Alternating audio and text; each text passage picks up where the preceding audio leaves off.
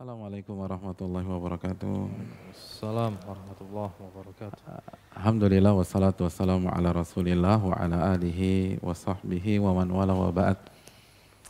Hadirin yang dirahmati oleh Allah subhanahu wa ta'ala, eh, teman-teman sekalian, ikhwan dan akhwat yang saya muliakan, para senior, mungkin bapak-bapak, ibu-ibu sekalian yang hadir juga pada kesempatan malam hari ini. Tidak ada kata yang pantas untuk kita ucapkan kecuali bersyukur kepada Allah atas segala nikmat dan karunia Allah berikan dan Allah limpahkan kepada kita. Salawat beriring salam semoga senantiasa tercurahkan kepada kudwah kita Nabi kita Muhammad sallallahu alaihi wasallam beserta para keluarga, para sahabat dan orang-orang yang istiqomah berjalan di bawah naungan sunnah beliau sampai hari kiamat kelak. Uh, hadirin yang dirahmati oleh Allah Subhanahu wa taala, tiba saatnya kita berada di episode terakhir dari cerita yang sangat panjang. Namun syarat akan makna kisah yang pemeran utamanya adalah seorang pemudi. Lalu ada beberapa anak muda juga di sana. Ada Usama, ada Ali, ada Mistah radhiyallahu taala anhum. Oleh karena itu ini kisah sangat menginspirasi kita semua karena anak muda butuh kedua anak muda butuh teladan eh, anak muda butuh seorang yang bisa menginspirasi dirinya dan kita nggak butuh pihak lain untuk menginspirasi kita karena sejarah agama kita penuh dengan anak-anak muda yang dewasa, matang, pintar dalam berpikir dan mengerti seni kehidupan. Hadirin yang dirahmati oleh Allah Subhanahu wa taala, uh, di pertemuan yang lalu kita sudah sampai pada pertanyaan yang dilemparkan oleh Nabi kita Shallallahu Alaihi Wasallam kepada Aisyah. Pertanyaan yang bijak, baik, tapi sangat tajam. Siapa yang bisa ulang apa ucapan Nabi kepada Aisyah?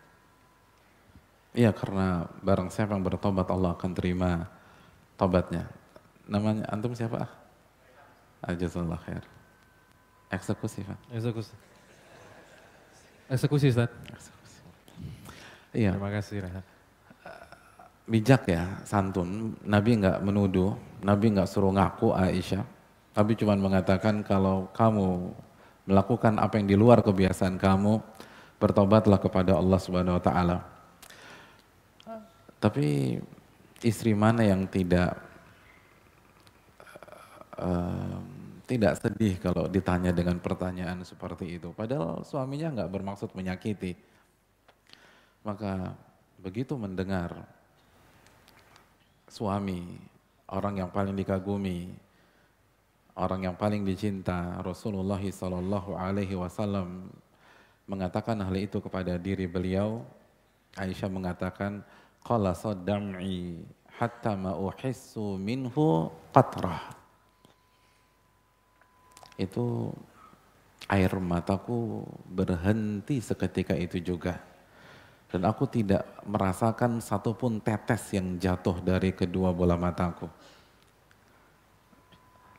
Jadi saking campur baurnya tuh perasaan berhenti tuh air mata kata Aisyah. Lalu Aisyah menghadapkan badannya kepada Abu Bakar As-Siddiq, ayahnya. Seorang anak ini bicara kepada ayahnya, Ajib anni Rasulullah sallallahu alaihi wasallam fi maqal. Wahai ayahku, jawab apa yang dikatakan Nabi sallallahu alaihi wasallam tentang diriku tadi. Jadi Aisyah nggak mau jawab. Aisyah minta ayahnya yang bela beliau. Aisyah minta ayahnya yang menjawab pertanyaan dari suaminya itu. Karena Aisyah tahu ayahnya yakin seyakin-yakinnya anaknya bersih dari masalah ini. Tapi apa kata Abu Bakar As-Siddiq? Wallahi ma adri ma aqulu li Rasulillah sallallahu alaihi wasallam. Demi Allah, aku tidak tahu apa yang harus aku katakan kepada Rasul sallallahu alaihi wasallam. Abu Bakar gak jawab. Begitu mendapatkan kenyataan bahwa ayah beliau tidak membelanya, beliau langsung mengarahkan pandangan dan tubuhnya kepada ibu beliau Umur Ruman. Seraya berkata ya Ummi ajibi anni Rasulullah sallallahu alaihi wasallam. Ibuku tolong jawab apa yang dipertanyakan kepada dari Rasulullah sallallahu alaihi wasallam tolong jawab Rasulullah Bu tolong katakan aku bersih Tolong katakan aku clear dari seluruh isu dan fitnah yang beredar di masyarakat. Tolong jawab Rasulullah Sallallahu Alaihi Wasallam. Apa kata Umar Ruman? Wallahi ma adri ma aqulu li Rasulullah Sallallahu Alaihi Wasallam. Demi Allah wahai ayah an, anakku, aku nggak tahu apa yang harus aku katakan di hadapan Rasulullah Sallallahu Alaihi Wasallam. Hadirin, ulama mengatakan ketika mengkaji hadis ini bahwa Abu Bakar dan Umur Ruman kayaknya suaranya agak ada masalah hmm. ya Pak.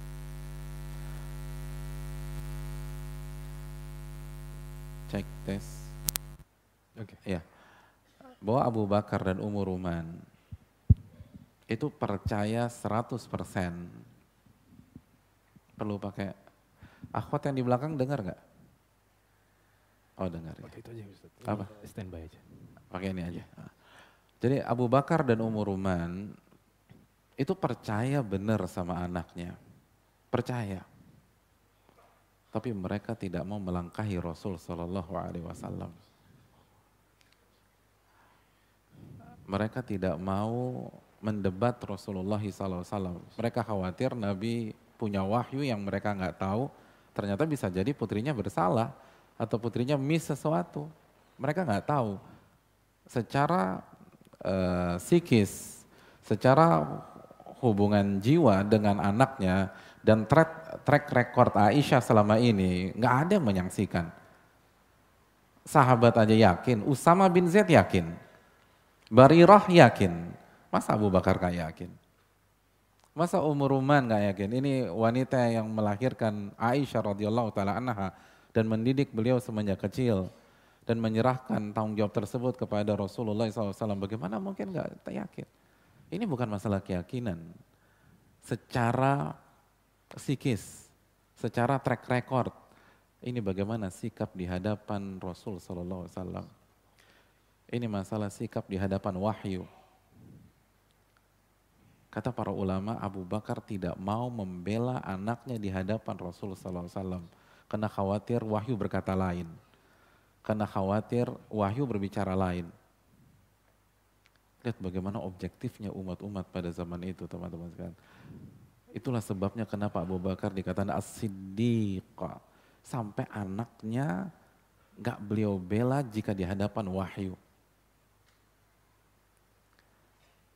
mereka adalah umat yang menanggalkan segala ego, yang menanggalkan segala harga diri apabila berhadapan dengan wahyu Allah Subhanahu wa taala. Ini yang membuat mereka jaya. Ini yang membuat mereka tinggi. Ini yang membuat mereka sukses di dunia maupun di akhirat. Bayangkan kalau bawa harga diri, bawa nama keluarga, Siapa yang nggak emosi pada saat itu? Orang tua itu mengatakan lebih baik saya yang mati daripada anak saya yang mati. Lebih baik saya yang difitnah daripada anak saya yang difitnah. Tapi kalau berhadapan dengan Rasulullah SAW, ma adri ma li Rasulillahi SAW. Aku nggak tahu apa yang harus ayah katakan di hadapan Rasul SAW. Diam, diam. Mereka hanya mengerti, jadi kalau di hadapan Rasul, itu keluarga Abu Bakar hanya mengerti dua kata. Sami'na wa ta'na, titik. Subhanallah. Sami'na wa ta'na. Makanya kita suka heran dengan orang-orang yang mengaku berislam, tapi mencaci maki Abu Bakar As-Siddiq. Dan dikit-dikit marah, dikit-dikit emosi. Anda siapa dan Abu Bakar siapa? Kalau bawa-bawa naluri seorang ayah, seorang ibu, siapa yang gak marah digituin? Ini kan mantu nih. Jadi inilah kesempatan memainkan bergening mertua gitu loh. Dibanding bergening umat Oke umat kalah, Abu Bakar, Umar Uman, umat. Tapi kan ini masalah rumah tangga, ini mertua, mertua di atas. Kalau mau diserang pada saat itulah saatnya paling tepat untuk menyerang dan mempertahankan harkat martabat keluarga. Iya kan? Kamu menantu kan gitu, tuh gitu. Kita ini udah ngerawat dia, kita yakin. Dia bersih Kan harusnya kamu lakinya bela dong bininya. Ini panggil nanya lagi, kan bisa bilang gitu, bisa nggak? Bisa. Harusnya kamu bela nih anak kita ini. Kita percayain sama kamu. Kan orang yang paling baik di dunia sama antum siapa? Mertua, anaknya dikasih buat antum. Bayangkan, anaknya itu dikasih. Itu kurang baik apa coba? Jadi tapi mereka nggak gunakan hal tersebut. Mereka nggak gunakan bergening sebagai mertua yang notabene di atas menantu. Enggak. Mereka tetap memandang menantu mereka dengan pandangan saya umat dan beliau Rasul Shallallahu Alaihi Wasallam. Ini mental ini yang harus dibangkitkan di tengah-tengah kita. Mumpung masih muda. Kalau udah berhadapan dengan sunnah Nabi, udah sami'na wa ata'na. Udah diem deh Udah nggak usah perdebatan, jangan tapikan, tapikan, imbuhan tapikan nggak usah dipakai. Ini kita belajar nih dari Abu Bakar dan Umar Ruman. Jadi kalau ketika anaknya terpojok, mereka tidak offense pada naluri manusia, kalau dipojokin, dipojokin sampai mentok, dia akan nyerang balik. Dan dia nggak mikir tuh siapa yang ada di hadapannya. Tapi Abu Bakar enggak, terus menyerah, menyerah, menyerah, menyerah. Nggak ada nyerang balik, nyerah. Nyerah di hadapan qala Allah dan qala Rasul. Teman-teman yang dirahmati oleh Allah Subhanahu wa taala. Ketika Aisyah, Aisyah sekali lagi belum kena um, ulama hampir sepakat beliau belum sampai 16 tahun. Ada yang bilang 13 tahun, ada yang bilang 14 tahun, ada yang bilang 15 tahun.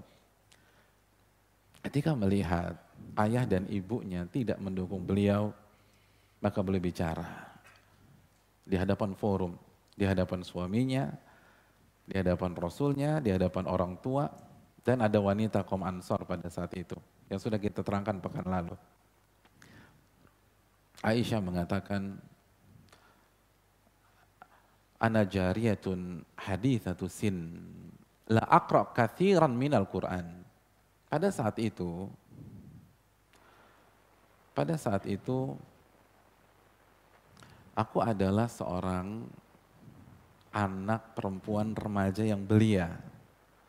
Dan aku nggak banyak membaca Al-Quranul Karim. Aku karena masih muda, masih remaja, aku nggak banyak membaca Al-Quranul Karim.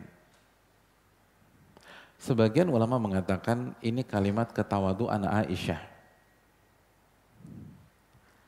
Jadi Aisyah tahu aku nggak banyak baca ayat. Lalu Aisyah bilang, Inni a'lam annakum sami'tum bihada hatta staqarra fi nufusikum. Aku tahu kalian telah mendengar berita tentang diriku yang menjadi viral di masyarakat. Dan berita itu diviralkan, diviralkan secara masif sampai benar-benar kokoh di dalam hati-hati kalian. Lain. Lain qultu lakum inni bari'atun wallahu a'l wallahu ya'lam anni bari'ah. La tusaddiqunani dan kalau pada saat ini, detik ini, aku katakan kepada kalian bahwa aku bersih dari segala bentuk tuduhan tersebut. Dan Allah maha tahu bahwa aku bersih. Kalian tetap gak percaya sama diriku. kata para ulama, maksud Aisyah, kalian tetap tidak bisa memastikan 100% bahwa aku bersih. Bukan nggak percaya dari awal, enggak. Abu Bakar percaya, Umur Ruman percaya, dan Nabi nanti kita bahas pada penghujung pembicaraan kita. Tapi maksud Aisyah, kalian tetap saja tidak bisa yakin 100% bahwa saya bersih. Maksudnya adalah saya nggak punya bukti bahwa saya bersih. Tapi saya berani menjamin bahwa saya bersih. Nah ketika nggak ada bukti, orang kan orang lain itu nggak bisa memastikan bahwa diri beliau bersih 100%. Lalu Aisyah mengatakan, "Wali taraftu lakum bi amrin wallahu ya'lam anni bari'ah." Dan kalau aku mengakui sebuah perbuatan kepada kalian dan Allah Maha tahu bahwa aku bersih la tusaddiqunani kalian mungkin akan percaya sama diriku. Mungkin percaya dengan pengakuan tersebut. Ini bahasa Aisyah. Jadi beliau sampai mengatakan demikian karena ayahnya nggak mendukung beliau di secara kasat mata ya. Ibunya tidak membela beliau. Jadi kalau aku mengakui perbuatan tersebut dan Allah tahu aku bersih, kalian mungkin akan percaya sama pengakuan tersebut. Lalu Aisyah menutup statementnya dengan mengatakan, demi Allah, ma ajidu ma ajidu wallahi li walakum mathalan illa kama qala Abu Yusuf. Demi Allah, tidak ada ungkapan yang paling cocok untuk aku berikan bagi diriku dan bagi diri kalian. Kecuali apa yang dikatakan bapaknya Nabi Yusuf. Fasabrun jamil. Wallahul musta'anu ala ma tasifun. Surat Yusuf ayat 18. Siapa ayahnya Nabi Yusuf? Kuantum kayak Aisyah juga lupa. Aisyah lupa loh. Saking sedihnya lupa nama bapaknya Nabi Yusuf. Antum galau kenapa emangnya? Kok bisa lupa juga? Aisyah wajar, antum lagi di fitnah apa sih hari-hari ini? Kok bisa lupa kayak Aisyah? Siapa nama bapaknya Nabi Yusuf? Yakub alaihissalam. Kata pertama Aisyah blank, saking sedihnya. Lupa, akhirnya dan Itulah alasan yang pertama. Kata beliau, aku tidak banyak membaca Al-Quranul Karim. Itu alasan Aisyah sehingga beliau tidak menyebutkan nama Nabi Yakub. Tapi kata Allah itu anak Aisyah dan ketika lupa itu beliau eh, ketika beliau nggak sebutkan Nabi Yakub itu karena lupa. Fasobrun jamil. Ungkapan yang paling tepat untuk diriku fasabrun jamil. Sabar yang indah. Wallahul musta'an ala ma tasifun. Dan hanya Allah tempat meminta pertolongan dari fitnah-fitnah mereka. Dari ucapan-ucapan kalian. Oh luar biasa diri. Titik sampai di sini fatahawwaltu fattaja'tu ala firashi. Maka aku pamit dan aku tidur di atas ranjangku. Allahu. Tidak ada klarifikasi, gak ada. Tidak ada katakan, beliau tidak katakan bahwa saya nggak begini, saya nggak begini, yang kamu dengar dulu yang penjelasanku, yang dengar dulu penjelasanku. Enggak ada tuh. Enggak ada. Kan kalau istri pada hari ini kan, tolong dengar dulu aku, aku kan tolong biarkan aku jelaskan. Sebenarnya masalahnya enggak begitu. Kejadiannya enggak begitu. Kita enggak pernah ngobrol sama Sofwan. Aku nggak pernah tanya alamat, tukeran nomor telepon, tukeran uh, nomor WhatsApp, lalu kirim-kirim emoticon, enggak, enggak ada. Enggak ada tuh. Gak ada klarifikasi. Kata Aisyah, fasobrun jamil. Wallahul musta'an ala ma tasifun. Ini luar biasa teman-teman, nggak ada klarifikasi. Padahal diserang di sisi paling tervitalnya seorang wanita, dituduh zina, selingkuh, tidur sama laki-laki lain. Fasobrun jamil. Sabar yang indah kata Aisyah. Hadirin yang dirahmati oleh Allah Subhanahu wa taala. Itu bedanya ya, anak muda zaman dulu dengan hari ini. Anak muda zaman dulu baca Quran, itu bukan hanya baca, diamalin. Begitu Aisyah baca surat Yusuf, diamalin tuh. Fasobrun jamil. Wallahul musta'an. Alamat tasifun. Langsung, real. Mereka tuh Quran berjar. Mereka tuh sekali lagi hadirin sekalian mengamalkan dan menuangkan Al-Quran dalam kehidupan mereka sehari-hari bukan hanya sebatas hafal, bukan hanya sebatas enak dibaca, bukan hanya sebatas uh, rajin satu hari setengah jus atau sehari satu jus dan semuanya bagus. Tapi PR-nya siapa yang mentadaburi? Lalu setelah mentadaburi siapa yang mengamalkan dalam kehidupan sehari-hari? Dan khususnya siapa yang mengamalkan ketika fitnah?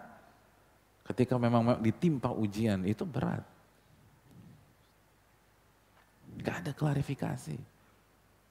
Gak ada membersihkan diri. Walaupun boleh pada saya itu. Tapi Aisyah memang enggak. Gak ada satu kata apa pun. Boleh cuma bilang, kalau saya sampaikan saya bersih, mungkin kalian gak bisa percaya 100%. Kalau saya ngakuin, dan Allah tahu saya enggak, mungkin kalian lebih percaya pengakuan saya. Udah sabar aja udah. Sabar. Lalu wallahul musta'an. Apa arti wallahu musta'an? Saya hanya minta tolong kepada Allah. Jadi selama ini Aisyah hanya doa kepada Allah. Hanya sujud kepada Allah. Hanya zikir kepada Allah. Aisyah yakin benar wasta'inu bis sabri was Minta pertolongan kepada Allah dengan sabar dengan sholat. Kalau kita kan baru ngafal tuh ayat. Benar nggak tuh minta pertolongan kepada Allah dengan sabar dan sholat? Surat Al-Baqarah 45. Sabar, sholat. Udah sabar. Lalu sholat. Sholat, sholat, sholat, sholat. Dan itulah praktek para ulama terdahulu. Dan praktek para nabi dan rasul. Nabi Ibrahim ketika Sarah diambil oleh Fir'aun. Fir'aun zaman Nabi Ibrahim bukan Fir'aun zaman Nabi Musa. Lalu mau diperkosa, apa yang dilakukan Nabi Ibrahim alaihissalam? Sholat, sholat dua rakaat salam. Dua rakaat salam dua rakaat salam sebagaimana hadis Bukhari. Salat. Itu kekuatan orang-orang beriman. Idza hazabal amru shalla rakaatain. Nabi itu kalau ada masalah salat dua rakaat. Minta pertolongan kepada Allah. Bukan minta si A, minta si B, minta si C, lupa tuh. Lupa. Begitu ada sakit langsung hubungi dokter pribadi kita. Begitu ada masalah hukum hubungi tim legal kita. Minta sama Allah Jalla wa'ala. Baru setelah itu berikhtiar. Wallahul musta'an. Bahkan sekali, kalau semakom Aisyah, udah Wallahul musta'an. Saya hanya minta pertolongan kepada Allah. Minta pertolongan kepada Allah subhanahu wa ta'ala. Ini teman-teman yang diram. Kita banyak masalah ketika hijrah banyak masalah yang melanda kita, mungkin masalah rumah tangga, mungkin nggak diterima di keluarga, mungkin kita uh, ingin ingin bekerja ternyata space-nya semakin sempit karena kita hanya mau yang halal, belum lagi yang jomblo kasih proposal ditolak, proposal ditolak, proposal ditolak. Ini kan masalah, masalah bukan? Masalah ya, walaupun yang ngangguk tiga ini masalah sujud kepada Allah Jalla wa'ala. Wallahul musta'an ala ma tasifun. Kita dibully di sosmed, dijelek-jelekin orang, difitnah. Minta pertolongan kepada Allah. Wallahul musta'an ala ma tasifun. Hanya kepada Allah saya meminta pertolongan dari tuduhan-tuduhan yang mereka sifat sifati kepada saya. Banyak orang zaman sekarang sibuk klarifikasi, sibuk uh, menjelaskan bahwa saya tidak berdosa, saya tidak berzina, saya tidak selingkuh atau yang lain. Hadirin yang dirahmati Allah. Lihat zaman now sama zaman past beda ternyata. Ini zaman past. Wallahul musta'an ala ma tasifun. Akhirnya pergi ke kasur beliau, beliau istirahat, lalu apa yang beliau katakan? Kata beliau begini, Wallahi, inilah a'lam, anni bari'ah, wa anna allaha mubarri'i bi bira'ati. Kenapa beliau nggak mengklarifikasi? Beliau cerita nih. Kenapa beliau nggak meyakinkan Nabi SAW sekuat tenaga? Kata Aisyah radhiyallahu taala anha dan kita perlu dengar baik-baik ucapan beliau ini. Kata beliau, karena aku tahu aku bersih. Dan aku yakin Allah akan membersihkan namaku. Allahu Akbar. Husnul zon sama Allah ketika ada masalah. Baik sangka sama Allah ketika difitnah. Bukan nyalain Allah, bukan bingung gimana gue udah hijrah tapi kok nggak datang pertolongan Allah ya. Emang ujiannya baru kayak apa sih? Umat dulu tuh digergaji jadi dua. Atau udah digergaji belum? Kan belum. Belum. Itu saudara-saudara kita di Palestina gimana tuh? Musim dingin. Kita baru 20 derajat, 22 derajat udah pakai mantel, udah pakai sweater, udah pakai jaket. Kita belum diuji seperti saudara-saudara kita diuji oleh Allah. Tapi mungkin karena nggak pernah sesusah mereka, jadi dikit-dikit manja, dikit-dikit down, dikit-dikit galau, dikit-dikit curcol, dikit-dikit baper. Hadirin yang dirahmati Allah. Ujian kita nggak ada apa-apanya. Para nabi dibunuh oleh Bani Israel. Dibunuh, nabi itu dibunuh.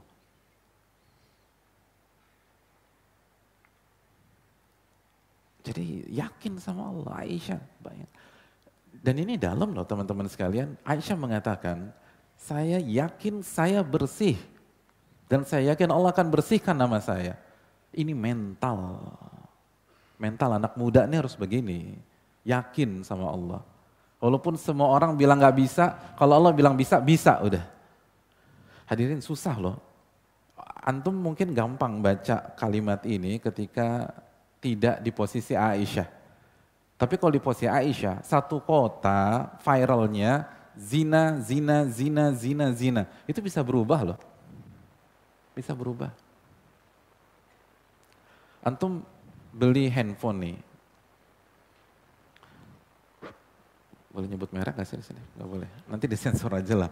Antum beli iPhone misalnya di iStore misalnya. Di, antum beli di di di iStore-nya tuh.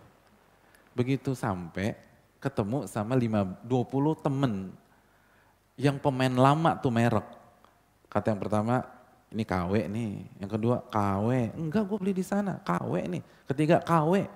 Ketujuh, KW ke-14 hmm, nih KW lo ditipu sama tuh orang. Mungkin dia ambil barang di gudang yang KW ditukar. Ke yang 19 KW nih KW, KW. Yang ke-20 ya ini mah KW. Sampai dibanting lagi KW nih gitu loh. Kira-kira antum masih yakin gak tuh ori? Enggak, bingung. Janjian KW beneran. Iya, 20 orang tuh. Belum satu kota bilang. Aisyah kan tidur. Aisyah tidur. Satu kota bilang dia zina. Kesannya satu kota, nggak, nggak satu kota kita tahu, tapi itulah jagonya Abdullah bin Abbas. Itu bisa diviralkan soalnya satu kota bilang zina. Itu orang kan goyah. Iya jangan-jangan gue zina, jangan-jangan. Iya. Agak iya mimpinya sih agak nggak tenang waktu itu kan bisa begitu. Hmm. Hmm. Antum kata dia zina, zina, zina, zina, zina. Tapi Aisyah enggak tuh. Aisyah bilang saya yakin saya bersih. Yakin. Kalau antum mau survive dalam hijrah antum harus yakin hadirin. Nggak bisa. Apalagi kita minoritas. Dan mayoritas mungkin teman kita di luar sana, di pekerjaan kita. Itu semua logikanya logika dunia. Kalau antum nggak yakin dengan jalan yang antum tempuh, ya repot. Akhirnya akhirnya terjerumus lagi. Akhirnya terbawa arus lagi. Hadirin Aisyah yang belum sampai 16 tahun mengatakan saya yakin saya bersih walaupun satu kota bilang saya zina, saya yakin saya bersih. Dan saya yakin Allah akan bersihkan nama saya. Itu yang membuat nggak mau ada satupun kata keluar dari lisannya. Karena beliau nggak mau, beliau yang klarifikasi. Beliau mau Allah yang klarifikasi. Allahu Akbar. Ini baru anak muda hadirin. Allah yang klarifikasi. Gak mau tuh. Padahal kalau mau klarifikasi boleh, nggak haram. Secara fikih nggak haram. Dan ada hadisnya. Tapi anak Aisyah untuk kasus ini nggak mau keluar dari lisannya. Beliau mau dari Allah subhanahu wa ta'ala. Saking yakinnya tuh sama Allah. Saking yakinnya. Saking yakinnya. Kita harus yakin. Semua bilang enggak. Allah bilang iya, kita ya. Semua bilang boleh nih, teman-teman kita bilang enggak boleh kok bro, enggak masalah ini enggak masalah. Allah bilang enggak, enggak gitu anak muda. Enggak. Mau satu kota bilang ya, kalau Allah bilang enggak, enggak. Kalau sem semua enggak setuju, satu keluarga antum enggak setuju. Allah setuju, setuju udah. Setuju. Itu mentalnya Aisyah radhiyallahu taala anha. Kata perempuan loh, tapi punya prinsip Makanya nggak mau klarifikasi. Nggak mau rengek-rengek depan suami. Nggak mau ngejelasin. Nggak mau minta tolong, tolong bang, dengar dulu penjelasanku. Ayo bang, tolong dengar dulu, kita duduk dulu sambil makan malam. Saya buatin indomie rebus bang, enggak, enggak ada begitu. Diam aja. Allah akan klarifikasi, bukan saya. Bukan saya. Lalu Aisyah mengatakan, Beliau cerita apa yang beliau rasakan pada saat itu. Walakin wallahi ma adzunnu eh, ma kuntu adzunnu an yunzal fi sya'ni wahyun yutla. Namun yang misnya, ini misnya nih kata Aisyah. Aku nggak pernah menduga itu sampai ada wahyu turun gara-gara saya untuk mengklarifikasi nama saya. Jadi Aisyah mengatakan, yang aku missnya, yang aku nggak duga, ada wahyu turun hanya untuk mengklarifikasi nama baik saya. Lalu lihat bagaimana mental Aisyah teman-teman sekalian. Kata Aisyah, la sya'ni kana ahqara fi nafsi min an yatakallamallahu fiyya bi amrin yutla. Oh ini anak muda nih baru teman-teman. Kata Aisyah. Dan diri saya, urusan saya, itu sangat kerdil, sangat kecil. Sampai harus Allah firmankan di dalam Al-Quran yang dibaca oleh jutaan umat sampai hari kiamat. Kata Aisyah, siapa saya? Saya ini bukan siapa-siapa. Makanya Aisyah mengatakan, harapan saya cuman an yara Rasulullah SAW fil, fil naumi ru'ya yubarri'unillahu biha. Yang saya harapkan cuman klarifikasi dalam bentuk mimpi. Pas Nabi SAW tidur, maka Nabi bermimpi Allah membersihkan nama baikku. Dan kita tahu bahwa mimpi para nabi itu wahyu. Jadi jadi Aisyah berpikir, saya berharap Allah mengklarifikasi dan saya yakin bukan hanya berharap, saya yakin tuh Allah mengklarifikasi. Tapi dugaan saya sebelumnya, ekspektasi saya itu melalui mimpi. Kenapa? Siapa saya? Saya bukan apa-apa. Saya nggak suci. Saya bukan orang bertakwa yang luar biasa. Saya bukan ahli iman yang masya Allah. Urusan saya cuman urusan yang nggak berharga sama sini. Ahkar kata Aisyah, ahkar. Siapa saya sehingga saya diklarifikasi di dalam Al-Quranul Karim. Siapa saya? Sehingga nama baik saya diputihkan dan dibaca oleh para imam. Dibaca di masjid-masjid. Dihafalkan anak-anak kecil. Dilantunkan orang-orang tua. Siapa saya? Dan tawaduknya Aisyah radhiyallahu taala anha. Bayangkan Aisyah. Gelar beliau apa sih? Gelar beliau LC, MA, doktor, profesor, guru besar. Gelar beliau Ummul Mukminin min ummahatil mu'min, ibunya seluruh orang-orang beriman. Gelar beliau istri Rasul sallallahu alaihi wasallam. Dari sekian banyak wanita Nabi milih beliau. Tapi lihat ya, semakin berilmu itu semakin tawaduk memang. Semakin beriman, semakin merendah. Semakin bertakwa, semakin gak ingin pamer hadirin. Memang itu. Itu karakter, nggak bisa dibohongin. Siapa saya kata Aisyah sampai saya diklarifikasi di dalam Al-Quran. Saya nggak pantas masuk Al-Quran itu maksudnya. Saya tuh terlalu kerdil untuk dimasukkan di dalam Al-Quranul Karim. Adapun sekarang banyak yang cari panggung, ingin tampil. Lihat anak muda zaman dulu nggak mau tampil teman-teman. Ini Aisyah nggak mau. Beliau simpel, pengen nama beliau diklarifikasi sama Allah titik. Gak kepikiran sampai dalam Al-Quran. Minta aja enggak sama Allah, dimasukkan dalam Al-Quran. Tapi yakin, yakin sih yakin-yakinnya. Allah akan klarifikasi.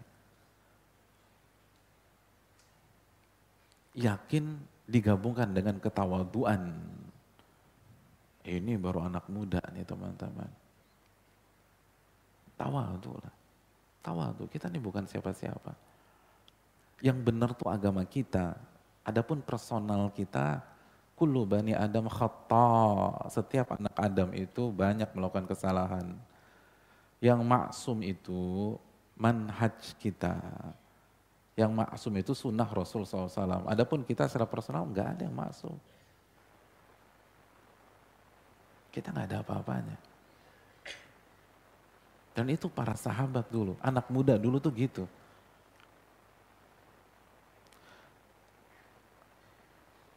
Itu yang perlu kita camkan. Oleh karena itu hadirin yang dirahmati oleh khususnya kita low profile lah di hadapan Allah. Lalu di hadapan manusia.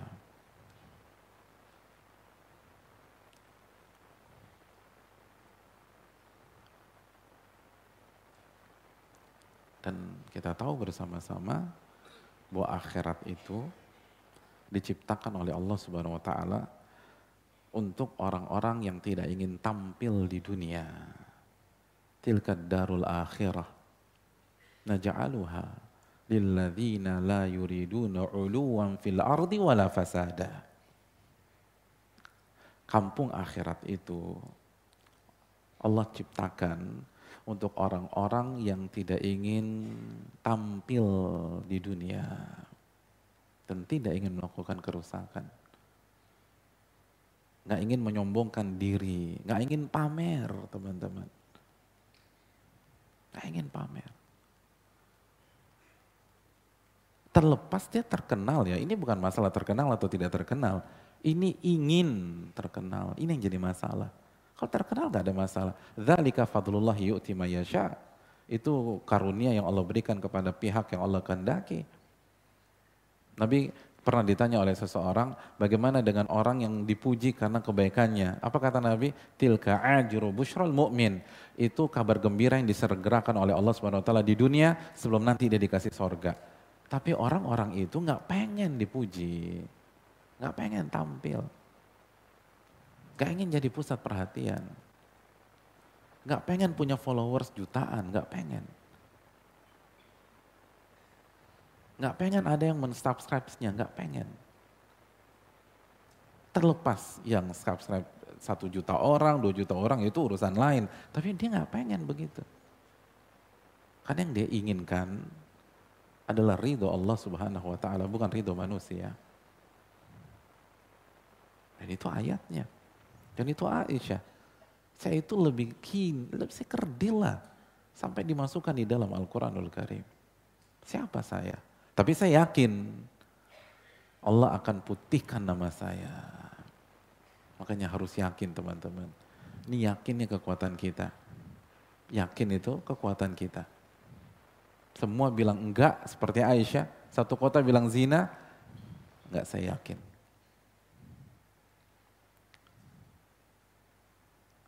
Kita harus anti mainstream.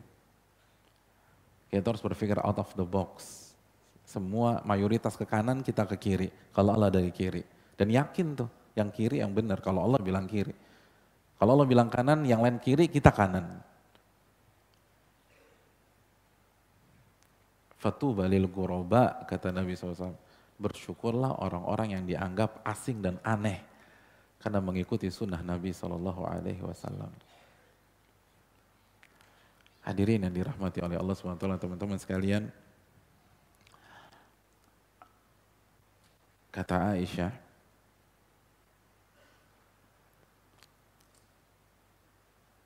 pada saat itu sebelum Nabi beranjak dari majelisnya, Nabi masih di rumah Abu Bakar As-Siddiq.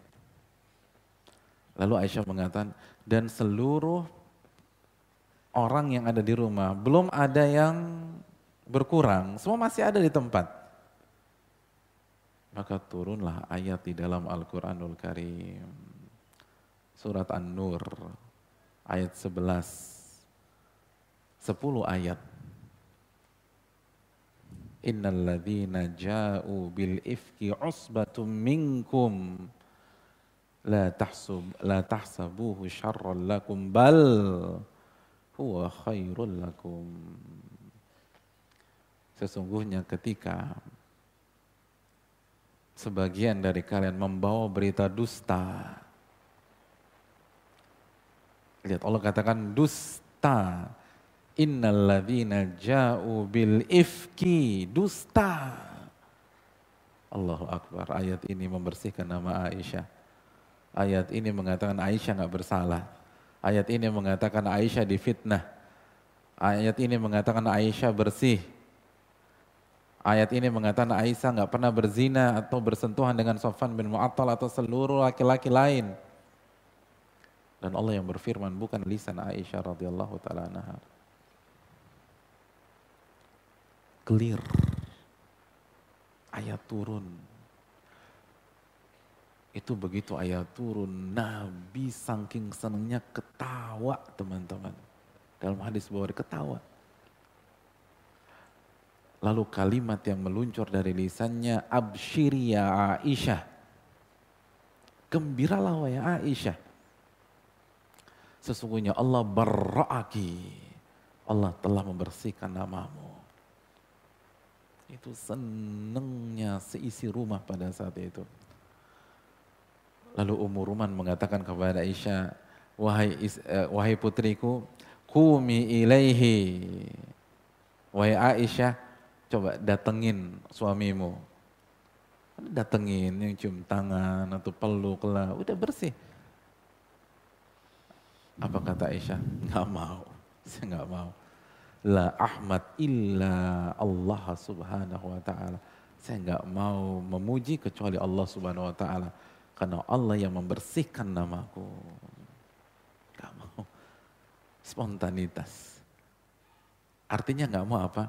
Saya nggak mau pihak yang pertama kali saya datangi itu suami.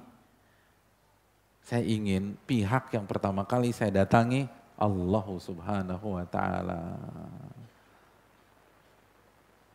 Bukan nggak mau ngambek ya, bukan nggak mau minta pisah, minta hulu. Bukan nggak mau sok-sokan tuh kan, lu nggak percaya sih sama bini lo sendiri. Enggak. Enggak. Atau dia bilang, denger tuh mas, denger tuh mas, denger mas. Sebulan mas, sebulan. Ya Allah, bini dianggurin sebulan. Enggak, enggak bilang begitu. Enggak bilang begitu. Maksud Aisyah adalah, Saya nggak mau yang pertama kali saya puji adalah suami saya nggak mau. Saya nggak mau yang pertama kali saya datangi itu suami saya, saya nggak mau. Saya mau yang pertama kali saya datangi Rabbuna Rabbul Alamin. Allahu Akbar. Ini luar biasa. Dan yang menariknya Nabi nggak baper. Coba antum kalau jadi suami gimana? Kata mertua antum, eh udah tuh cium tangan suami, enggak. Kira-kira antum gimana? Antum belum nggak pernah jadi suami, jadi nggak punya ah, ah ya nggak punya pengalaman susah, semuanya jomblo sih. Itu kan ya, ini ya. nanti lo di rumah gue sikat kan gitu ya. Ini ada papa mama aja, gue diem-diem aja. Nanti di rumah, uh, lo tadi kenapa nggak cium tangan gue? Kan mama udah bilang suruh cium tangan. Ya habis kan berantem tuh akhirnya tuh. Tapi enggak tuh. Kenapa tuh teman-teman? Karena di situ poinnya. Kata Ibnu Qayyim dalam Zadul Ma'ad. Aisyah diuji dengan ujian seperti ini itu agar punya mental mental putus asa dengan makhluk dan hati hanya tawakal kepada Allah Subhanahu wa taala. Itu intinya. Kenapa Nabi nggak marah? Karena goalnya sukses. Ketika istri putus asa dengan makhluk, termasuk kepada suaminya, artinya Seorang istri tidak berharap kecuali kepada Allah. Tidak tunduk dan tidak merendah kecuali kepada Allah. Tidak memberikan ketaatan total kecuali kepada Allah Subhanahu wa taala. Putus asa dari makhluk, tidak berharap kecuali kepada Allah. Istri itu iya karena na'budu wa karena nasta'in, maka itu keberhasilan dalam rumah tangga. Ketika hati seorang istri hanya dipenuhi dengan iman kepada Allah, antum akan sukses sebagai suami. Blind spot mayoritas suami adalah sadar atau tidak sadar, dikondisikan atau tidak dikondisikan, istrinya bergantung sama suaminya, habis pada saat itu. Dan sering kali suaminya kondisikan.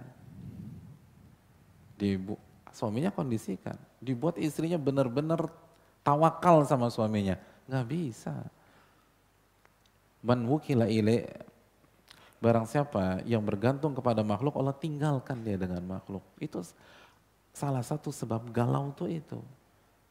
Ketika hati istri isinya suami galau. Makanya kata para ulama, zikrun nasi da ingat sama manusia itu penyakit kata para ulama. Artinya ingat sampai semuanya itu tidak inspirasi sama manusia, repot kita ini hanya boleh tergantung kepada Allah Jalla wa'ala. Makanya Nabi tenang-tenang aja. Hadirin yang dirahmati oleh Allah. Timbul pertanyaan dari banyak pihak. Kenapa Nabi diam? Kenapa Nabi SAW tidak melakukan klarifikasi. Kenapa Nabi SAW nggak belain istrinya? Apakah beliau ragu? Apakah beliau benar-benar goncang ketika bertanya kepada Usama dan Ali lalu Barirah? Hal ini dijelaskan oleh para ulama. Di antaranya Al-Imam Ibnul Qayyim dalam Zadul Ma'ad.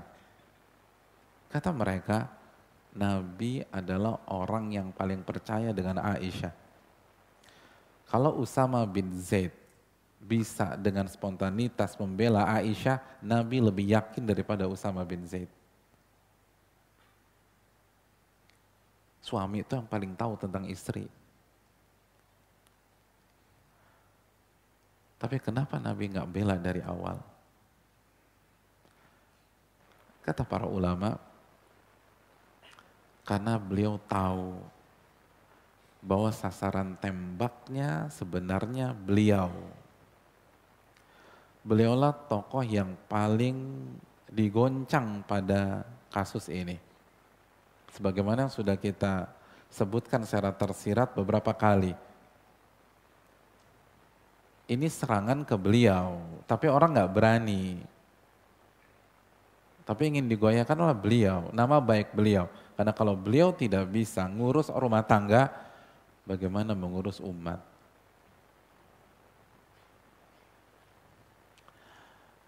Karena beliau yakin dan tahu benar apa tujuan dari Abdullah bin Ubay bin Salul. Maka beliau tidak mau melakukan klarifikasi dengan lisannya, sebagaimana Aisyah nggak mau melakukan klarifikasi dengan lisannya. Beliau menunggu wahyu.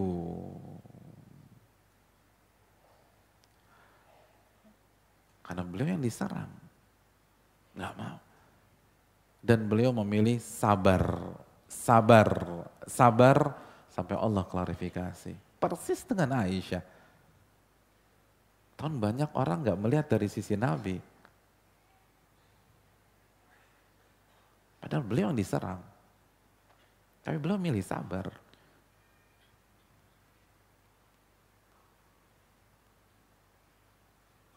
Beliau hanya mau melangkah kalau ada wahyu. Jadi sebenarnya ujian yang kita rasakan sebelum atau setelah hijrah itu dialami Nabi dengan stadium yang lebih tinggi nih teman-teman. Dan beliau mau sabar, diam sampai Allah kasih jalan keluar. Kita kan gak sabaran, maunya habis hijrah langsung kaya aja. Iya, maunya H plus satu dari hijrah langsung dapat akhwat yang hijab, hijabers, lalu hafalan 15 juz, lalu cantik, anak tunggal, punya tujuh perusahaan. Ya gimana? Hamin satu nuntut begitu, hamin satu. Tapi dia jadi imam sholat maghrib aja belum berani. Beraninya zuhur asar doang. Terus ngarepin dapat hijabers hafalan 16 juz, ya nggak mungkin lah. Gimana? Gak sabar. Pokoknya semua instan. Semuanya instan. Ya itu makanya, makanya dijuluki generasi micin. Karena ada filosofinya. Micin itu apa teman-teman? Micin itu penyedap makanan. Kalau ada orang ingin buat makanan enak tapi nggak mau ribet, nggak mau ikutin proses, maka pakailah, ah itu, itu ada filosofinya. Kenapa dinamakan generasi micin? Karena nggak mau proses, nggak mau sabar deh. Maunya enak aja waktu cepat gitu loh. Enak aja waktu cepat, ya nggak bisa. Antum hijrah, antum hijrah usia berapa? Antum hijrah usia 32 dan dari 0 sampai 32 antum punya masa lalu yang gelap atau yang kelam, itu berarti PR antum membersihkan karat yang usianya udah 32 tahun. Kira-kira bisa satu hari enggak? Enggak mungkin. Enggak bisa. Kalau wardrobe, kalau pakaian bisa tuh satu hari, bisa. Tapi kalau bersihkan karat-karat itu, karat emosi, karat cuek, lalu karat temperamen, karet, eh karet lagi, karat males, itu tahunan, tahunan. Nggak sabar. Pokoknya mau cepet aja, nggak bisa. Begitu hijrah mau merit, mau ini, mau sakinah, mau ada warahmah. Emang gampang apa? Susah. Orang jungkir balik, kita mau shortcut. No shortcut proses teman-teman. Nggak ada jalan pintas. Semua harus pakai proses. Kalau penampilan bisa, tapi keterampilan nggak bisa. Penampilan bisa, Antum penampilan antum kayak Ronaldo, bisa nggak? Bisa, tinggal beli jersey jadi. Tapi nendang kayak dia, oh tahunan gitu kan. Tahunan, nggak bisa. Nah orang kan mau cuma beli jersey, beli sepatu dan seterusnya jadi. Nggak bisa, semua proses, semua sabar. Dan komit dengan wahyu, Nabi kita komit dengan wahyu. Kalau mau klarifikasi bisa, Tapi beliau nggak mau klarifikasi dengan lisannya. Beliau juga nggak tahu kok kejadiannya. Tapi beliau yakin, beliau yakin sama istrinya. Tapi di mana datanya nggak ada. Beliau milih nunggu wahyu, nunggu petunjuk dari Allah, nunggu jalan keluar dari Allah, nggak tergesa-gesa. Karena beliau jujur. Makanya sebagian para ulama mengatakan, ini menunjukkan bagaimana kejujuran Nabi SAW, ketulusan Nabi SAW. Karena pembohong akan membela diri di detik-detik pertama, gitu kata mereka. Oh dalam tuh. Karena pembohong itu akan membela diri di detik-detik pertama sebuah kasus. Iya. Kalau antum melihat pembohong, dia akan bela diri, dia akan berkelit, dia akan panik, dia akan begini-begini. Kalau Nabi nikmati proses. Itu tadi, kalau hijrah kita bohong, ya kita akan bela diri kita terus. Kita akan lawan tuh. Kita pengen instan. Semua ada prosesnya. Makanya kata Aisyah, fasobrun jamil. Sabar yang indah. Sabar yang indah. Allah katakan di akhir surat Ali Imran, isbiru wasobiru, isbiru, sabar, wasobiru, Sobir itu bahasa kita kuat-kuatan napas tuh. Kita harus lebih sabar daripada dia. Kita harus lebih sabar daripada lawan kita. Kita harus lebih sabar dari syaitan. Kalau kita lagi masalah dengan orang, ada orang fitnah kita, ada orang mancing-mancing kita, ada fitnah ngegoreng kita, kita harus lebih sabar dari dia. Dia aja ngegoreng kita sabar, masa kita nggak sabar ngadepin dia? Dia fitnah kita sabar. Setiap kita ini dikomen sama dia. Setiap kita ini dijelek-jelekin, itu kan sabar, istiqomah dia tuh, jelek-jelekin kita. Masa tuh nggak istiqomah? Dia aja istiqomah, dia tuh istiqomah tuh. Sabar, Nabi sabar. Karena beliau yang diserang. Beda kalau misalnya yang diserang pihak lain, beliau akan bantu klarifikasi. Enggak, saya tahu ini orang baik. Tapi ini beliau yang diserang, sabar. Beliau akan, beliau tunggu 50 hari. 50 hari. Bayangkan 50 hari kredibilitas, integritas beliau sebagai nabi digoncang sama orang munafik. Sabar, no comment. Tapi beramal, beramal, beramal. Doa, doa, doa. Zikir, zikir, zikir. Sujud, sujud, sujud.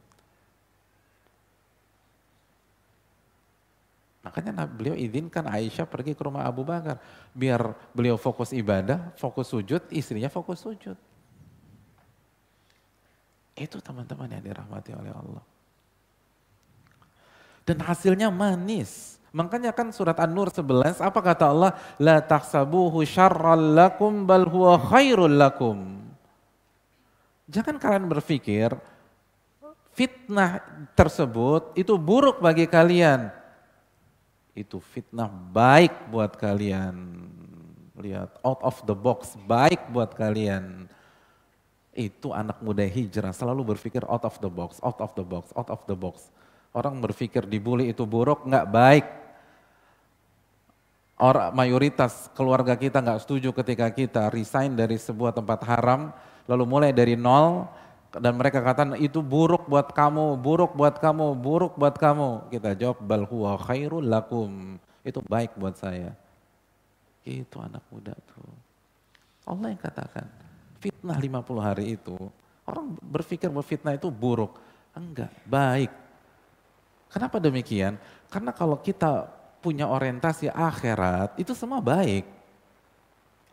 Dan orientasi akhirat itu antitesis orientasi dunia.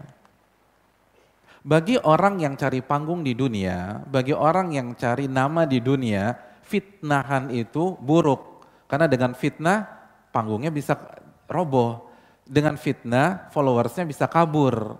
Dengan fitnah dia bisa dikecam oleh masyarakat. Tapi kalau orang orientasinya akhirat, bal huwa khairul lakum. Karena dengan fitnah transfer pahala mengalir ke rekeningnya. Dengan fitnah derajatnya diangkat oleh Allah Subhanahu wa taala. Dengan fitnah dosa-dosanya diampuni oleh Allah Subhanahu wa taala. Terus mau buruk apaan? Mau apa yang mau digalauin coba? Sebutkan satu alasan untuk galau kalau begini. Gak ada. Antum bingung apa ya? Satu alasan aja bingung kita. Karena gak ada. Bal huwa khairul lakum. Itu baik buat Anda. Baik. Dicaci maki orang kata lo bal huwa khairul lakum. Itu baik. Kenapa? Out of the box. Jangan inside the box terus. Pakai kacamata akhirat. Frame-nya tuh diganti. Ini ujian hanya masalah frame teman-teman. Kalau antum salah pakai frame repot. Allah katakan bal huwa khairul lakum. Dan itulah hebatnya Nabi SAW. Saking sabarnya beliau, setiap orang bicara tentang hadithatul ifki, mayoritas tertuju kepada siapa? Aisyah. Padahal yang paling berat beliau Sallallahu Alaihi Wasallam. Tapi tenang. Atau kan kalau ketemu teman yang sabar tuh, kelihatannya dia nggak punya banyak masalah kan. Beda dengan orang yang ngeluh sana, ngeluh sini, ngeluh situ oh kayaknya berat banget. Tapi kalau antum tenang, iya kayak dia nggak punya masalah. Padahal coba antum tahu, oh lebih berat tuh. Dia nggak cerita aja sama antum. Dia nggak curhat aja. Dia nggak cerita aja di FB-nya. Karena dia menutup. Lihat, mayoritas orang bicara hadil FK Aisyah, Aisyah, Aisyah. Nabi, kata para ulama. Kenapa Nabi nggak disorot? Karena lebih tenang. Aisyah masih sedikit bermain, masih nangis, masih ya namanya perempuan masih berapa belasan tahun. Terus yang beliau bukan Nabi, tapi Nabi nggak nangis. Gak, artinya nggak nangis karena tertekan dalam masalah enggak. Cuman dia berubah sikap dikit aja. Nanya-nanya santun. Dan gak dicecer Aisyah. Kalau benar Allah akan bersihkan, kalau salah tobat, selesai masalah, tobat. Gak diujek-ujek tuh istrinya tuh. Enggak. Salah, tobat aja Aisyah. Allah terima tobat kok. Bahkan dimotivasi tuh Aisyah. Kalau salah, tobat. Allah terima tobat kok. Masalah selesai. Sallallahu alaihi wasallam. Oleh karena itu teman-teman sekalian, itulah Nabi kita. Dan itu alasannya, beliau diam. Karena beliau menunggu wahyu. Beliau diam karena beliau tidak mau membela diri dengan lisan beliau. Beliau ingin Allah yang menurunkan wahyu untuk beliau. Jadi kalau kita gimana Ustadz? Kita nunggu wahyu nih kalau ada masalah. Pertolongan Allah itu bukan hanya wahyu hadirin. Apa susahnya Allah singkap seluruh masalah-masalah kita. Apa susahnya Allah kasih jalan keluar. Ala inna nasrallahi qariba. Ketahuilah pertolongan Allah itu dekat. Dan tidak harus wahyu. Wahyu memang sudah terputus, tapi pertolongan Allah akan terus sampai hari kiamat. Wassalamualaikum ala Muhammad. Dengan ini uh, berakhirlah kisah hadithatul ifki dan semoga bermanfaat untuk diri saya dan antum semua. Dan uh, sekali lagi pelajaran-pelajaran yang kita bahas ini pelajaran-pelajaran kehidupan tingkat tinggi teman-teman. Maka berdoalah kepada Allah untuk bisa mengamalkannya. Karena ini bukan pelajaran amatiran. Ini level atas. Ini master class. Kalau antum bisa mengamalkan seluruh pelajaran yang kita bahas dari pertemuan pertama sampai pertemuan ke-9, antum menjadi seorang master class dalam kehidupan. Dan itu nggak mudah. Jadi minta pertolongan kepada Allah agar kita bisa mengamalkannya. Dan yang berbicara di depan antum belum tentu bisa mengamalkan. Dan kalau berusaha mengamalkan belum tentu sebaik antum. Oleh karena itu setiap kita minta kepada Allah Subhanahu wa taala. Jazakallah khair Ustaz. Oh iya, Terima kasih Ustaz, jazakumullah khairan.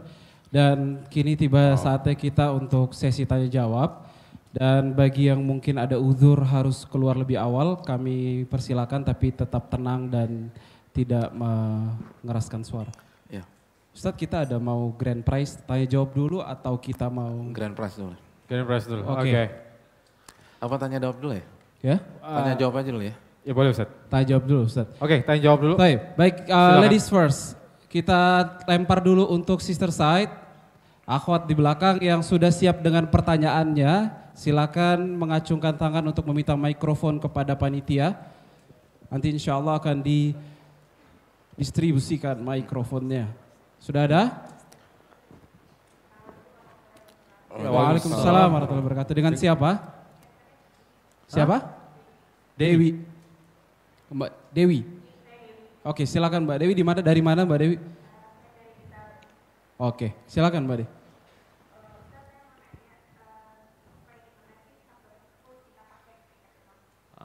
Apa sih? Ah, ah, mohon maaf Mbak Dewi bisa lebih jelas pertanyaannya atau didekatkan Mikrofonnya lagi digenggam mikrofonnya. dan diarahkan ke agak ke atas sedikit boleh? Ya terima kasih. Ya. Ya.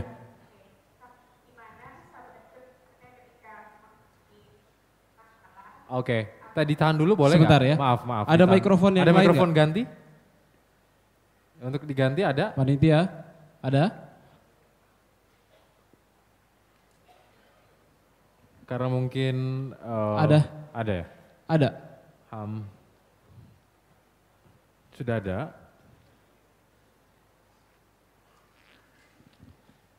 Udah? Mungkin Mbak yang mau bertanya tahan dulu. Panitia tolong diberikan mikrofon yang lebih baik lagi sedikit. Kita ke Brothers dulu ya. Kita ke Boleh. Brothers dulu. Ada Brothers yang mau bertanya? Ya, Bro- silakan. Ya, silakan. Tahan dulu Mbak Dewi ya setelah ini insya Allah.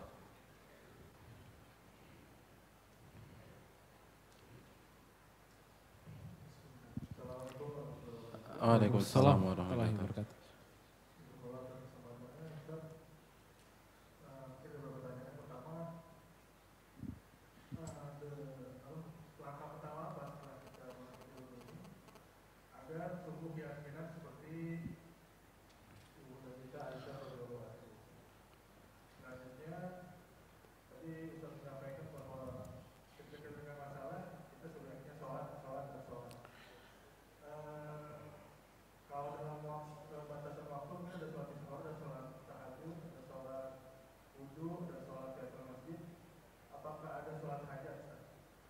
Oke. Dengan siapa? Oke, Mas Rahmat. Rahmat. Oke. Makasih ya Mas Rahmat. Silakan Ustaz. Silakan Ustaz. Iya, terima kasih jazakallah khair atas pertanyaannya.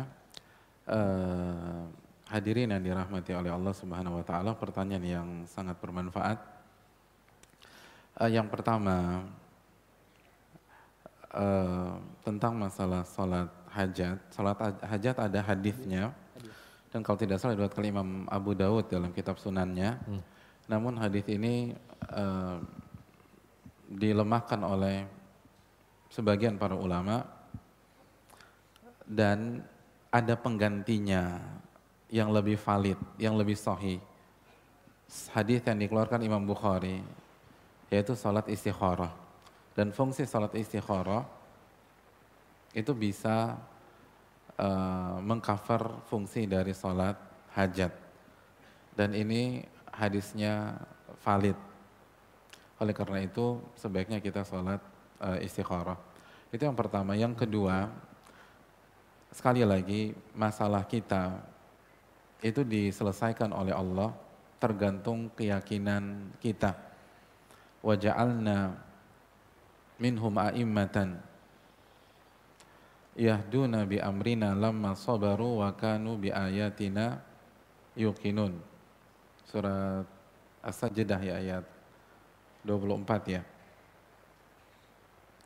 Dan kami jadikan dari mereka imam-imam yahdu nabi amrina mereka memberikan petunjuk dengan petunjuk kami dengan perintah kami kapan kapan Allah jadikan mereka sebagai imam lama sabaru ketika mereka bersabar wa kanu bi ayatina yuqinun lalu yang kedua pada saat mereka yakin dengan ayat-ayat kami. Dan untuk bisa mengerjakan sholat ketika ada masalah kita harus yakin bahwa masalah ini Allah yang takdirkan dan Allah yang paling mudah untuk mengurainya. Dan sebaliknya, sholat adalah tanda bahwa kita yakin bahwa hanya Allah yang bisa mengurai masalah-masalah kita, bukan makhluk. Oleh karena itu ini yang mungkin perlu dicamkan. Terima kasih. Terima kasih. Ya silakan Mbak Dewi. Tadi ada satu lagi Ustaz mengenai untuk awal penuntut ilmu ya. setelah menuntut ilmu? Langkah pertama sebagai uh, penuntut ilmu yang ya untuk menimbulkan keyakinan seperti Aisyah radhiyallahu taala anha. Untuk memiliki keyakinan seperti Aisyah radhiyallahu anha, langkah kita sebagai penuntut ilmu bagaimana Ustaz? Yang pertama, sekali lagi saya katakan keyakinan seperti Aisyah itu uh, keyakinan seperti itu tuh masterpiece ya, itu mahakarya. Itu uh, itu level yang sangat tinggi sekali. Nggak bisa pulang dari Al Azhar hari Kamisnya langsung kayak begitu tuh nggak bisa. harus latihan. Nggak bisa Ustaz. Apa yang harus kita lakukan? Hadirin yang dirahmat teman-teman sekalian. Uh, pola pola kerja diri kita untuk meyakini sesuatu itu gimana sih? Kita yakin dan percaya terhadap sesuatu itu berdasarkan data dan pengalaman. Benar nggak? Kalau nggak ada data dan pengalaman, kita nggak akan percaya dengan sesuatu. Antum ketemu dengan teman yang, eh, bukan teman, antum ketemu dengan orang, dia pakai jubah atau pakai baju yang islami, pakai gamis, tapi Antum belum pernah ketemu dia sebelumnya dan ketemunya di terminal Kampung Rambutan. Terus dia, dia ngakunya santri atau dia ngakunya ustadz, lalu dia minta uh, izin nginep dua hari di rumah antum. Antum kasih izin nggak? Antum kasih izin nggak? Susah ya pertanyaan saya. Antum kasih izin apa enggak? Enggak, kenapa? Padahal kan penampilannya meyakinkan. Karena antum nggak punya data dan pengalaman tentang dia. Ada teman invest eh, ngajak kita investasi terus kita katakan, eh gue ngajak temen gue ya bro ya. Eh, temen lo bisa dipercaya nggak? Gue tuh temenan udah 25 tahun. Eh umur kan umur lo kan baru 24. Iya. Mak gue sama emak dia temenan setahun sebelum kita lahir gitu loh. Jadi kita udah kenal banget. Yakin, yakin 24 tahun kita temenan, nggak pernah miss. Jadi kita membangun kepercayaan dan keyakinan itu berdasarkan data dan pengalaman. Nah, begitu juga dengan masalah ini. Untuk membangun keyakinan, antum harus punya data. Datanya apa? Belajar, ngaji yang rutin, belajar yang benar.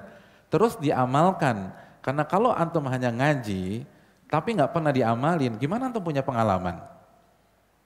Antum kan harus punya pengalaman, iya bener juga tuh apa kata Ustadz, gue amalin kejadian. Akhirnya tambah yakin tuh, iya nggak bener, nggak nggak bohong nih.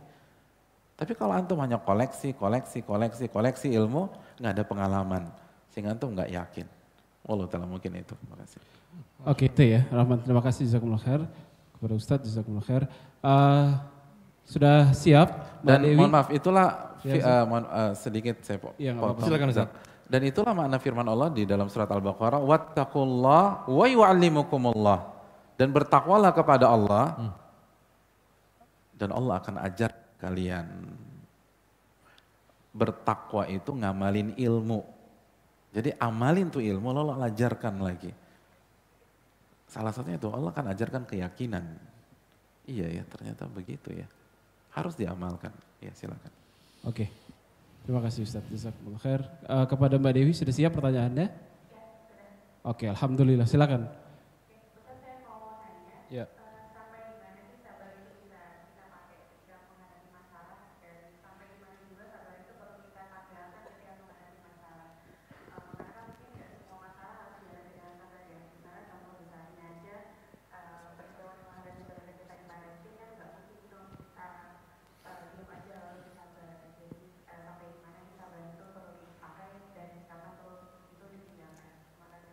Oke.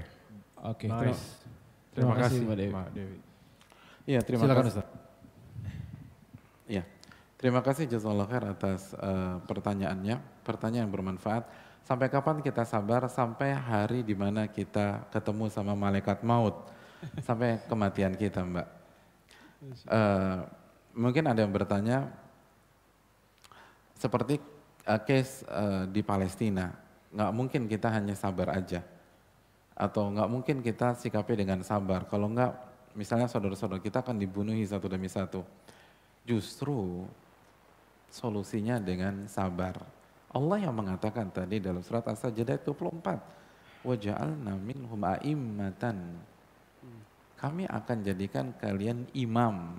Imam itu pemimpin, penguasa yang memberikan arahan, kebijakan dengan syariat kami, dengan agama kami, dengan perintah kami. Kapan Allah jadikan imam? Kapan Allah jadikan dari umat ini penguasa atau pemimpin? Lama sobaru. Ketika sabar, bukan ketika nggak sabar, ketika sabar. Makanya para ulama seperti Imam Ahmad bin Abdul Halim mengatakan, bisabri wal yakin tunalul imamatu fiddin. Dengan sabar dan dengan keyakinan kita akan mencapai kepemimpinan dalam agama.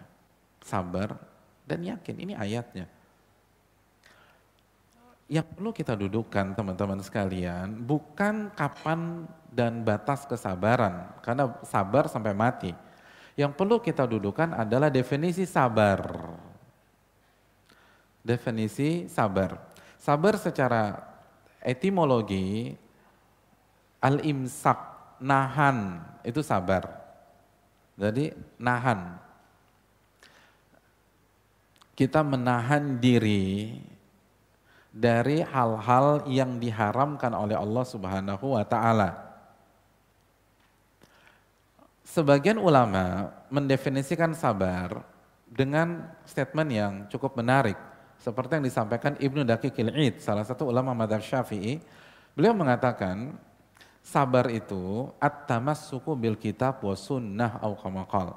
Sabar itu berpegang teguh dengan Al-Quran dan sunnah. Itu sabar. Jadi sabar itu bukan diam, ini yang jadi masalah. Sabar itu kita on the track itu sabar. Berpegang teguh dengan Al-Quran dan sunnah. Kenapa sebagian ulama menerjemahkan sabar sebagai pola berpegang teguh dengan Al-Quran dan Sunnah karena ketika kita berpegang teguh dengan Al-Quran dan Sunnah kita akan menghadapi tantangan, kita akan eh, menghadapi ujian, kita akan menghadapi cobaan. Pada saat itulah kita disuruh nahan, nah itulah sabar, itu loh. Uh, rangkaian puzzle-nya seperti itu. Ketika kita berpegang teguh dengan Al-Quran dan Sunnah, maka otomatis ada tantangan, ada ujian, ada bencana mungkin, ada uh, tes dari Allah. Nah, ketika datang ujian, tes dan uji uh, dan masalah, Anda harus nahan diri agar tetap on the track, agar tetap on the pattern. Itulah sabar. Jadi menghadapi semua kasus termasuk uh, kasus Palestina on the track karena Allah nggak akan tolong kecuali kita menolong melalui agamanya. Intan surullah yansurkum wa yuthabbit aqdamakum. Jika kalian menolong agama Allah, Allah akan tolong kalian. Jadi tolong agamanya dulu, on the pattern dulu, baru Allah tolong Anda. Itu poin yang uh, penting mungkin. Ya. Yeah. Terima kasih Ustaz. Mungkin itu dan, ya. Eh? Dan uh, ya dan terakhir yes. memang sekali lagi masalah Palestina harus menjadi uh, isu di dalam diri dan hati kita dan e, mintalah kepada Allah Subhanahu wa taala kebaikan buat saudara-saudara kita di sana dan jangan remehkan doa-doa kita. Ada sebagian orang mengatakan e, siapalah kita Ustaz kalau e, kalau cuman berdoa atau e, apakah doa-doa kita bisa merubah? Kata Nabi bisa merubah. Nabi SAW bersabda innama tunsoruna wa turzaquna bi du'afaikum. Sesungguhnya kalian diberikan pertolongan dan diberikan rizki dari Allah itu melalui orang-orang kecil di antara kalian. Orang-orang yang nggak punya kebijakan, orang-orang yang nggak punya bala tentara, orang-orang yang nggak punya senjata. Dalam riwayat karena doa-doa mereka, doa-doa mereka. Dan yang kedua teman-teman sekalian, um, Nabi SAW bersabda, Mathalul mu'minin, perumpamaan orang mukmin dengan orang mukmin yang lain, itu ibarat satu tubuh kalau satu tubuh, kalau anggota tubuh merasakan sakit, maka semuanya sakit. Maka sekali lagi dalam kondisi seperti ini, apalagi kita anak-anak muda, tolong ngerem-ngerem dikit kalau ingin senang-senang. Karena saudara kita lagi sakit di sana. Dan kalau ada harta, daripada kita gunakan untuk hiburan kita pribadi, mendingan kita alokasikan buat mereka, bantu yang bisa kita bantu, sumbang yang bisa kita sumbang, dan kalau perlu memang nabung untuk saudara-saudara kita di sana, bisa jadi angka yang nggak seberapa bagi kita, tapi bisa membuat mereka bertahan hidup ketika di sana dan kita tahu bersama di sana pada hari ini masuk musim dingin dan dinginnya luar biasa teman-teman sekalian. Dinginnya uh, luar biasa. Oleh karena itu ini yang perlu kita uh, camkan bersama-sama. Bantu mereka mungkin di apa di lemari baju kita ada tiga empat jaket yang udah lama kita nggak pakai bahkan mau makainya bingung terkadang istikharah dulu saking banyaknya tapi kalau kita kasih ke mereka bisa jadi itu bisa jadi penyambung hidup mereka dengan izin Allah Subhanahu wa taala dan itu ladang amal kita pada hari kiamat kelak. Jadi sekali lagi ini musim dingin. Di sana ini musim dingin maka itu yang harus kita uh, camkan. Dan para ulama mengatakan kalau kita nggak ada kepedulian kepada mereka, kita akan ditanya pada hari kiamat. Kita akan ditanya pada hari kiamat oleh Allah Subhanahu wa taala. Mungkin itu. Iya, terima kasih kepada Ustadz. Kita ucapkan jazakumullah khairan. Dan yang terakhir kita ada sedikit hadiah yang mungkin gak seberapa dari apa yang sudah antum dapatkan di kisah hadisatul ifki ini. Dan uh, skemanya simple. Nanti insya Allah Ustadz akan memberikan pertanyaan. Tapi sebelum Ustadz memberikan pertanyaan, angkat tangan yang mau jawab. Silakan. Sisters dan brothers, uh, panitia panitia akhwat di belakang belum pulang ya? Belum. panitia, tolong standby mikrofon. Pertanyaannya dari episode pertama ya? Oh gitu Ustaz? Iya. Tuh, udah ada hintsnya. Siapa yang mau menjawab? Angkat tangan dulu. Yang bersedia. Kurang menarik. Hadiahnya apa Zak? Itu dia Ustaz. Hadiahnya kita ini kan ada tenan-tenan bazar di bawah. Kalau ah. kita turun dari ya. sebelah kiri kami saat ini, itu belok ke kiri. Itu semua tenan-tenan bazarnya Drop Banyans Asia YPI Al Azhar. Dan di sana nanti si pemenang antara brothers atau sisters ya akan ada satu pemenang akan mendapatkan ya. atau bisa memilih satu produk dari satu produk makanan dari tiap tenan bazar yang ada di bawah. Angkat tangan. Free dong, free nggak? For free. For free. Yang bis, yang nanti ditunjuk Ustadz sebagai pemenang, boleh tunjuk dari tenda ini saya mau gado-gado. Dari tenda ini kebuli onta. Ya. Ada berapa tenan, Zak? Di bawah tuh ada sekitar 10, Ustadz. Jadi bisa bawa pulang. Berarti empat harian ya kira-kira. Iya lumayan kan tiga. Jadi kalian nggak disuruh, teman-teman nggak disuruh ngabisin malam ini juga, boleh dibawa pulang. Wow. Ada sisters yang mau mewakili satu orang? Ada. Wow. Brothers? Satu. Brothers nggak makan malam nih? Nggak mau. Oh nah, ada. Sudah mikrofon. Oh, Oke. Okay. Udah okay. ada satu kandidat namanya siapa? Fauzan. Fauzan. Sisters di belakang namanya siapa? Ada. Fauzan. Halo. Waalaikumsalam warahmatullahi wabarakatuh. Dini. Andini. Andini, oke. Okay. Oke, Mbak Andini sekarang di hadapannya ada Mas Fauzan. Dan mudah-mudahan tidak ada hubungan dengan Mbak Andini ya Mas Fauzan karena nggak seru juga dibawa pulang sama jadinya Ustaz. Ya Ustaz silakan uh, pertanyaannya apa Ustaz kira-kira Ustaz? Iya pertanyaannya. Iya. Uh, dari episode pertama sampai episode yang ke sembilan. Sembilan. Di episode apa penjelasan tentang mistoh? Wah, mudah banget dong. Susah. Gak jadi, gak jadi. Oh, gak jadi tuh. Kayaknya terlalu berat. Uh, nanti kalau dia nonton videonya kita nggak pulang-pulang. Iya. Uh, Ustadz masih ingat Ustadz episode berapa Ustadz? ya Allah. Enggak, ya, ya, cancel, cancel, cancel. Enggak jadi, enggak jadi Mbak Dini. Enggak jadi. Ini nih, yang ini nih sekarang. Ya, uh, ini pertanyaan. Uh, ini jadi nih Ustaz. Jadi, jadi. jadi, jadi. Sebutkan tiga faedah hmm. yang paling menginspirasi kalian dari uh, sembilan episode ini.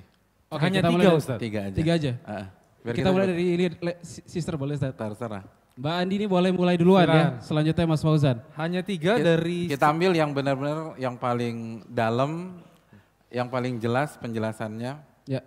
eh, dari mereka berdua. Dan tolong panitia sisakan sedikit buat mereka yang menang ya itu. Tenda suka habis tiba-tiba di.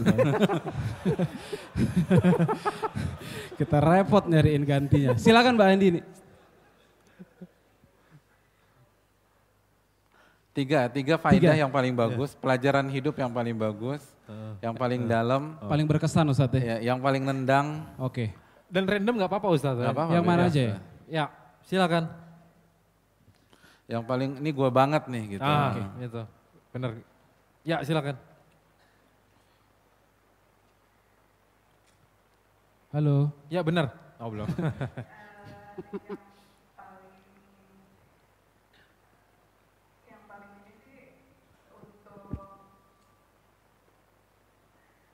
Bismillah dulu dong, bismillah, bismillah. Iya apa-apa. Sama sih. Gimana Pak Andi?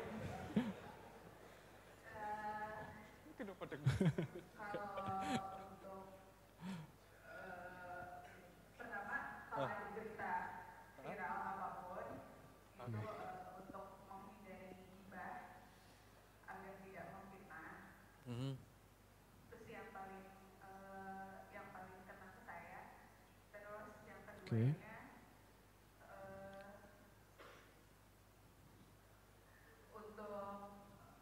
benar-benar menyerahkan segala permasalahan semuanya hanya kepada Allah, tidak kepada makhluknya. Oke. Satu lagi? Satu lagi, eh,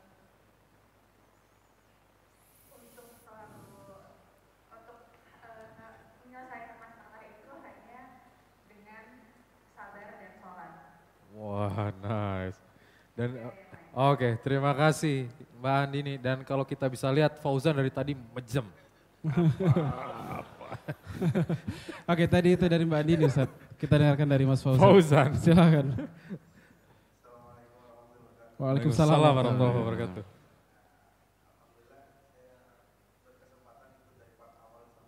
Masya Allah. Barakallahu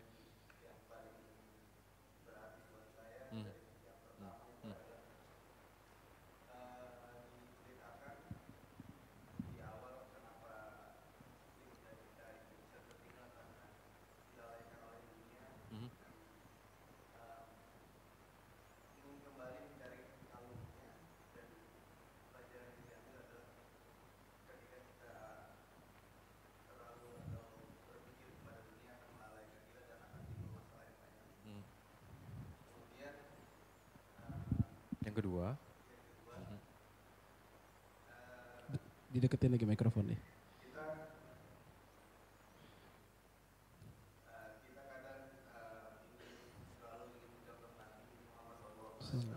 Salam.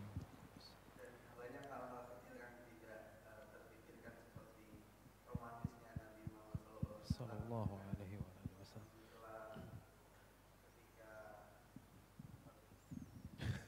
Nggak apa-apa, terus.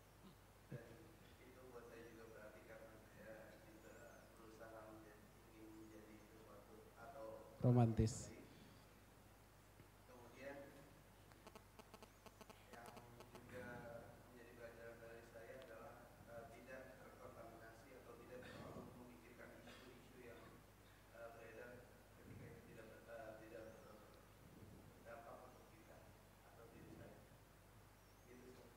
Oke Ustaz.